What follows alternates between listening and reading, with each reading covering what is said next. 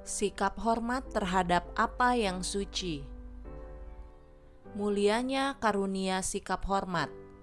Satu karunia mulia lainnya yang harus dipupuk dengan seksama adalah sikap hormat. Pendidikan dan latihan anak-anak muda haruslah bercorak sedemikian rupa sehingga akan meninggikan apa yang suci dan memberikan dorongan terhadap pengabdian kepada Allah di dalam rumahnya banyak orang yang mengaku diri sebagai anak-anak raja surga tidak mempunyai penghargaan yang benar terhadap perkara-perkara baka yang suci itu. Allah harus diperlakukan dengan sikap hormat.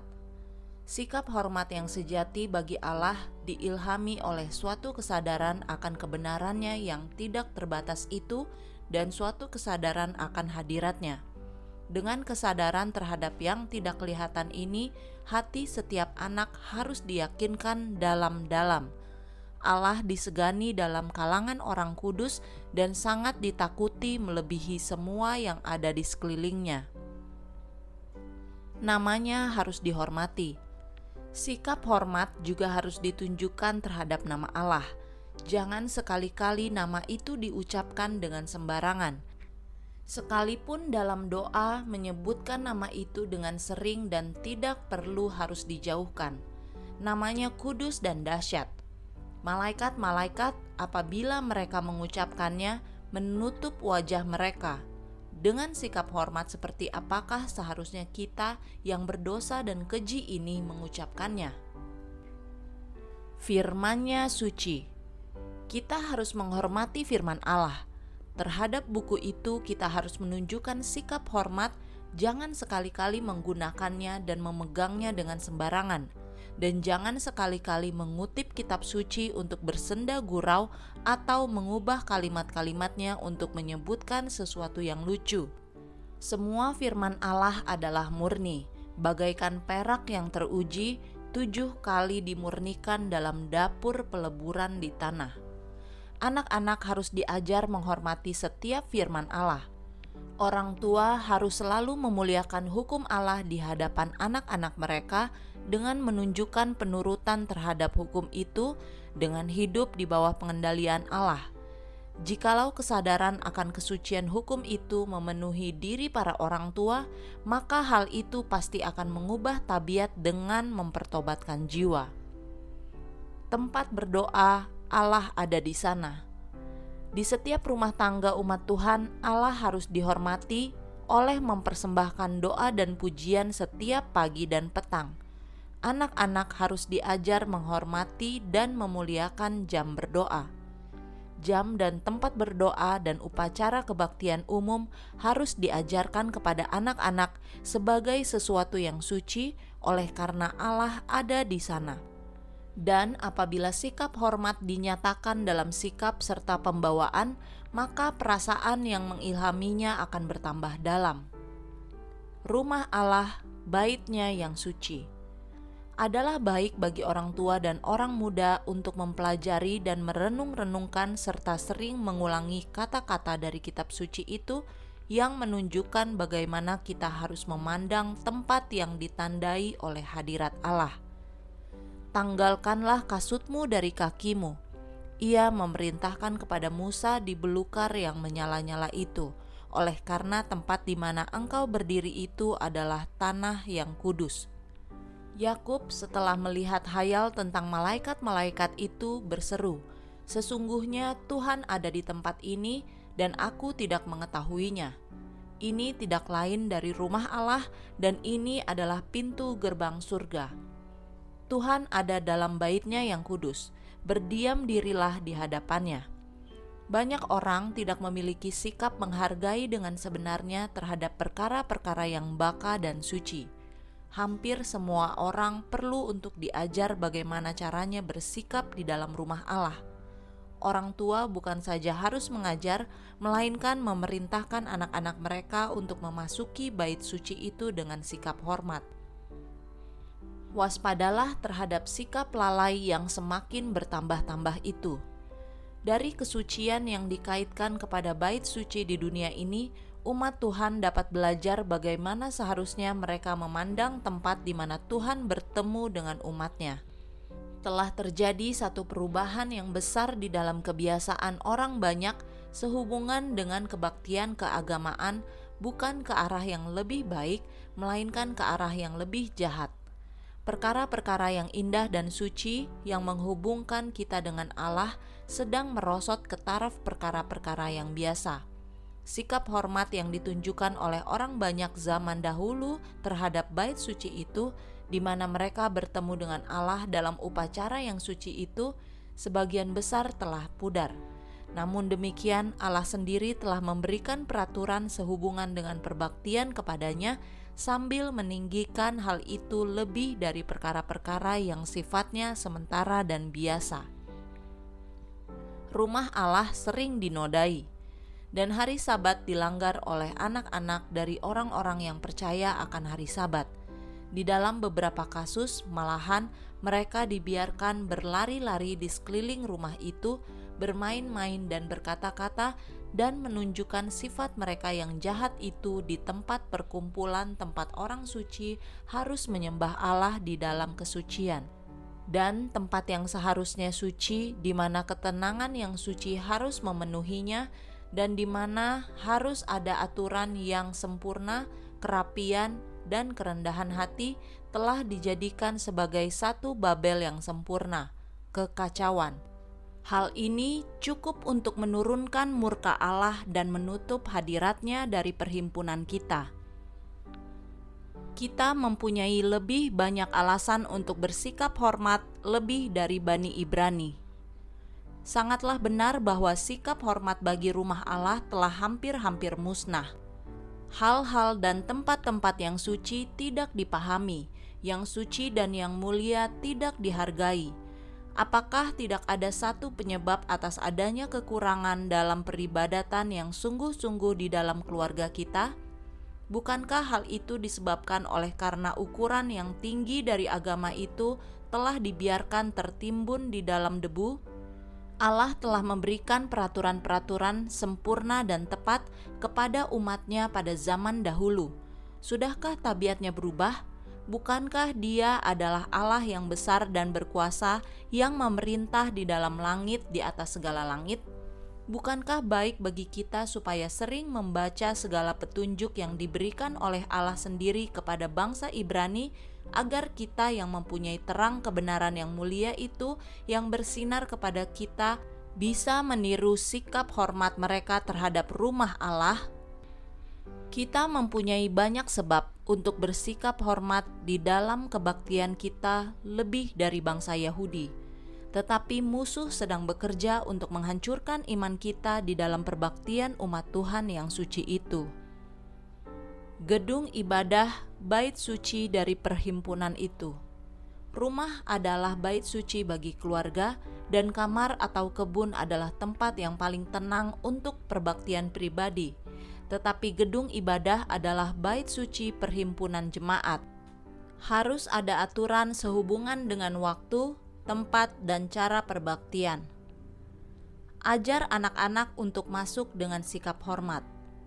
Orang tua Angkat tinggi ukuran keagamaanmu di dalam pikiran anak-anakmu. Bantu mereka menjalin Tuhan ke dalam pengalaman mereka. Ajar mereka memiliki sikap hormat yang tertinggi bagi rumah Allah dan untuk memahami bahwa bila mana mereka masuk ke dalam rumah Tuhan, itu harus dilakukan dengan hati yang dilembutkan dan dipenuhi oleh pemikiran-pemikiran seperti ini. Allah ada di sini, ini adalah rumahnya saya harus mempunyai pikiran yang suci dan motivasi yang paling bersih. Saya tidak boleh mempunyai kesombongan, iri hati, kecemburuan, niat jahat, kebencian, atau tipu daya di dalam hati saya. Oleh karena saya sedang masuk ke dalam hadirat Allah yang suci ini. Ini adalah tempat di mana Allah bertemu dan memberkati umatnya. Dia yang agung dan suci itu yang menduduki kekekalan sedang memandang kepadaku, menyelidik hatiku, dan membaca segala pikiran dan tindakan hidupku yang tersembunyi. Tetap tinggal dengan orang tua mereka. Cita rasa moral orang-orang yang berbakti di dalam bait suci Allah yang suci haruslah diangkat tinggi, diperhalus, dan disucikan. Hal ini telah diabaikan dengan amat menyedihkan. Maknanya yang penting itu telah diabaikan, dan sebagai akibatnya ketidakteraturan dan sikap tidak hormat telah merajalela, dan Allah telah dihinakan. Bila mana para pemimpin di dalam sidang, rohaniawan, dan orang banyak – bapak dan ibu tidak memiliki suatu pandangan yang luhur tentang hal ini, apakah yang dapat diharapkan dari anak-anak yang tidak berpengalaman itu? Mereka sering didapati berkelompok-kelompok jauh dari orang tua mereka. Siapakah yang harus bertanggung jawab atas diri mereka itu? Sekalipun demikian, mereka itu berada di hadirat Allah dan matanya sedang memandang kepada mereka. Mereka bersenda gurau mereka berbisik-bisik dan tertawa, acuh tak acuh, tidak bersikap hormat dan tidak menaruh perhatian. Harus diam dan tenang. Janganlah menunjukkan sikap hormat yang begitu sedikit terhadap rumah dan kebaktian kepada Allah, sehingga berani berkata-kata satu dengan yang lain selama waktu khotbah Jikalau mereka yang melakukan kesalahan ini dapat melihat malaikat-malaikat Allah sedang memandang kepada mereka dan mencatat perbuatan mereka itu, maka mereka akan dipenuhi dengan rasa malu dan kekejian diri mereka sendiri. Allah menghendaki orang-orang yang menjadi pendengar yang penuh perhatian, sementara orang sedang tidur, musuh itu menaburkan lalang. Janganlah bertindak seperti di suatu tempat yang biasa harus ada satu tempat yang suci, seperti bait suci pada zaman dahulu, di mana Allah akan bertemu dengan umatnya. Tempat itu janganlah digunakan sebagai satu ruangan untuk makan atau seperti satu tempat untuk dagang, melainkan hanya untuk berbakti kepada Allah. Bila mana anak-anak bersekolah di tempat yang sama di mana mereka berkumpul untuk berbakti pada hari Sabat, mereka tidak dapat disuruh untuk merasakan kesucian tempat itu dan bahwa mereka harus memasukinya dengan disertai sikap hormat. Yang suci dan yang biasa dicampur baurkan dengan sedemikian rupa sehingga sukarlah untuk membedakan keduanya. Dengan alasan inilah rumah atau bait suci Allah yang ditahbiskan kepada Allah jangan dijadikan satu tempat yang biasa kesuciannya tidak boleh dicampur baurkan dengan perasaan atau usaha hidup yang sehari-hari.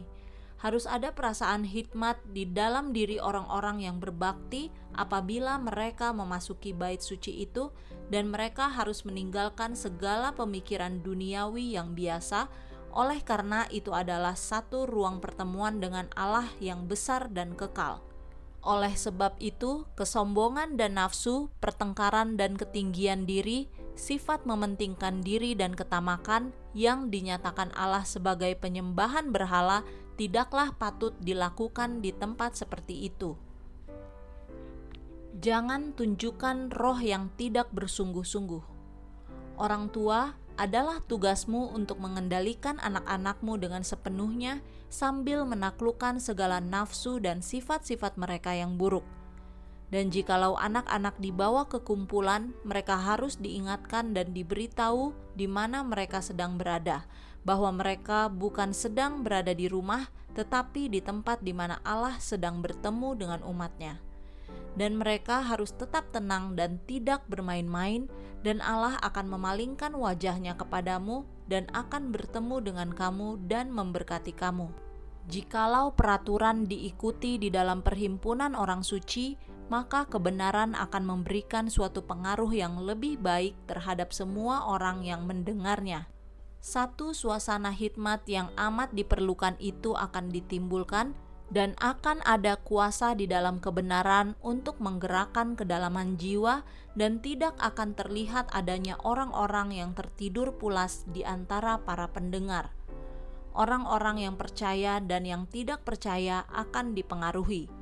Tampaknya jelas bahwa di beberapa tempat tabut perjanjian Allah telah diangkat dari dalam tempat peribadatan oleh karena hukum yang suci itu telah dilanggar dan kekuatan Israel telah dilemahkan.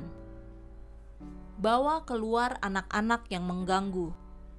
Anakmu harus diajar menurut sebagaimana anak-anak Allah menurut kepadanya. Jikalau ukuran ini dipertahankan, maka sepatah kata daripadamu akan memberikan pengaruh bila mana anakmu itu menjadi gelisah di dalam rumah Allah.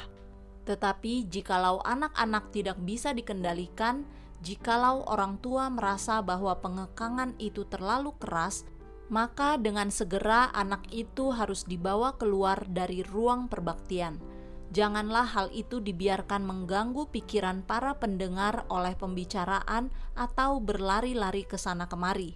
Allah tidak dihormati oleh cara yang longgar oleh mana orang tua mengatur anak-anak mereka pada waktu berada di dalam tempat peribadatan. Sikap tidak hormat diperkembangkan oleh mempertunjukkan perhiasan.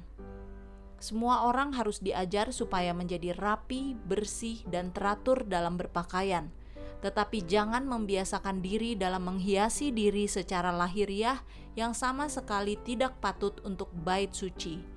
Janganlah ada sifat pamer perhiasan, oleh karena hal ini akan menimbulkan ketidaksucian.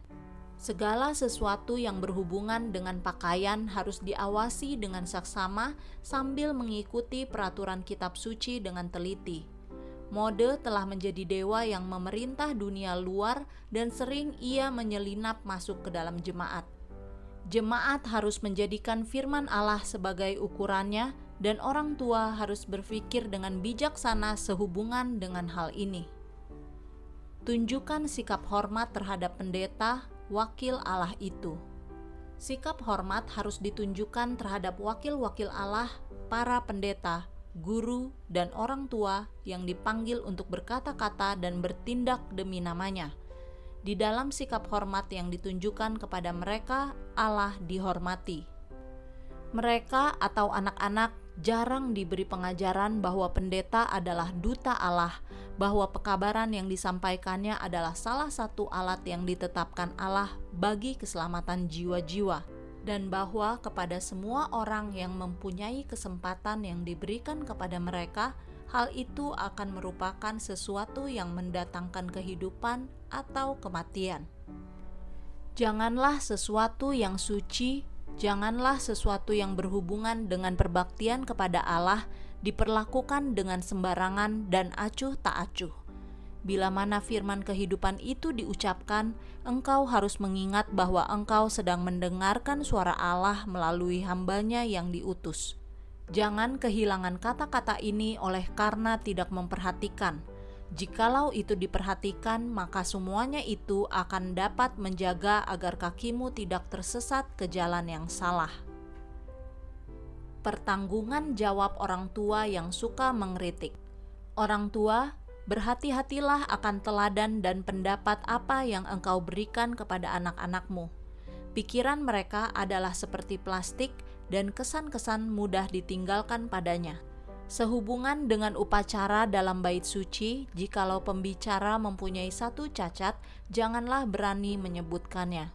Bicarakanlah sesuatu pekerjaan yang baik saja yang telah dilakukannya, buah-buah pikiran baik yang telah dikemukakannya, yang engkau harus perhatikan sebagai sesuatu yang datang kepadamu melalui alat yang digunakan Allah. Dengan mudah dapat dipahami mengapa anak-anak tidak terkesan oleh pelayanan firman itu dan mengapa mereka tidak menghormati rumah Allah. Pendidikan mereka dalam hal ini sangatlah kurang Pikiran anak-anak muda yang peka dan halus itu memperoleh cara penilaian mereka terhadap usaha hamba-hamba Allah dari caranya orang tua mereka menilai hal itu. Banyak kepala keluarga menjadikan upacara kebaktian itu sebagai bahan kritik di rumah, menyetujui beberapa perkara, dan mengecam yang lainnya dengan demikian, pekabaran Allah kepada manusia dikritik dan diragukan, dan dijadikan sebagai bahan cemoohan. Kesan-kesan apakah yang akan ditinggalkan kepada anak-anak muda ini oleh ucapan-ucapan yang sembarangan dan tidak hormat ini? Hanyalah buku-buku catatan surga saja yang akan menyatakannya. Anak-anak melihat dan memahami segala perkara ini jauh lebih cepat daripada apa yang dipikirkan oleh orang tua Kepekaan akhlak mereka menerima satu prasangka yang salah yang tidak dapat diubahkan dengan sepenuhnya oleh waktu. Orang tua menangisi kekerasan hati anak-anak mereka dan kesulitan dalam membangkitkan kepekaan akhlak mereka untuk menjawab segala tuntutan Allah. Tetapi buku-buku surga mencatat dengan pena yang tidak pernah berbuat kesalahan itu akan sebab yang sebenarnya. Orang tua tidak bertobat mereka tidak serasi dengan surga atau dengan pekerjaan surga. Pendapat-pendapat mereka yang sembarangan tentang kesucian pelayanan dan bait suci Allah terjalin ke dalam pendidikan anak-anak mereka. Merupakan satu persoalan apakah seseorang yang bertahun-tahun lamanya telah berada di bawah pengaruh yang merusak dari pengajaran rumah tangga akan pernah memiliki satu sikap hormat yang dalam dan pandangan yang tinggi terhadap perbaktian kepada Allah dan terhadap alat-alat yang telah ditetapkannya bagi keselamatan jiwa-jiwa. Semua perkara ini harus diucapkan dengan hormat, dengan bahasa yang patut, dan dengan kepekaan yang dalam, agar engkau dapat menyatakan kepada semua orang dengan siapa engkau bergaul bahwa engkau memandang pekabaran dari hamba Allah itu sebagai satu pekabaran yang datang kepadamu dari Allah sendiri praktikan sikap hormat sehingga hal itu menjadi kebiasaan. Sikap hormat amat diperlukan oleh anak-anak muda zaman ini. Saya merasa gentar apabila saya melihat anak-anak dan orang muda dari orang tua yang beribadat mengabaikan peraturan dan tata tertib di dalam rumah Allah. Sementara hamba Allah sedang mengutarakan firman kehidupan kepada orang banyak, beberapa orang membaca, yang lain berbisik-bisik dan tertawa mata mereka berbuat dosa dengan mengalihkan perhatian mereka kepada orang-orang yang ada di sekeliling mereka. Kebiasaan ini, jikalau dibiarkan begitu saja, akan bertumbuh dan mempengaruhi orang lain. Anak-anak dan orang muda jangan sekali-kali merasa bahwa adalah sesuatu yang harus dibanggakan untuk bersikap acuh tak acuh dan lalai di dalam upacara kebaktian di mana Allah disembah Allah melihat setiap pikiran atau tindakan yang tidak hormat, dan itu dicatat di dalam buku surga. Ia berkata, "Aku mengetahui perbuatanmu." Tidak ada sesuatu yang tersembunyi dari matanya yang dapat menyelidik segala sesuatu itu. Jikalau engkau telah membentuk kebiasaan untuk tidak memperhatikan dan untuk bersikap acuh tak acuh di dalam rumah Allah, Gunakanlah kuasa yang engkau miliki untuk memperbaikinya, dan tunjukkan bahwa engkau mempunyai harga diri. Praktikan sikap hormat sehingga itu menjadi sebagian dari dirimu sendiri.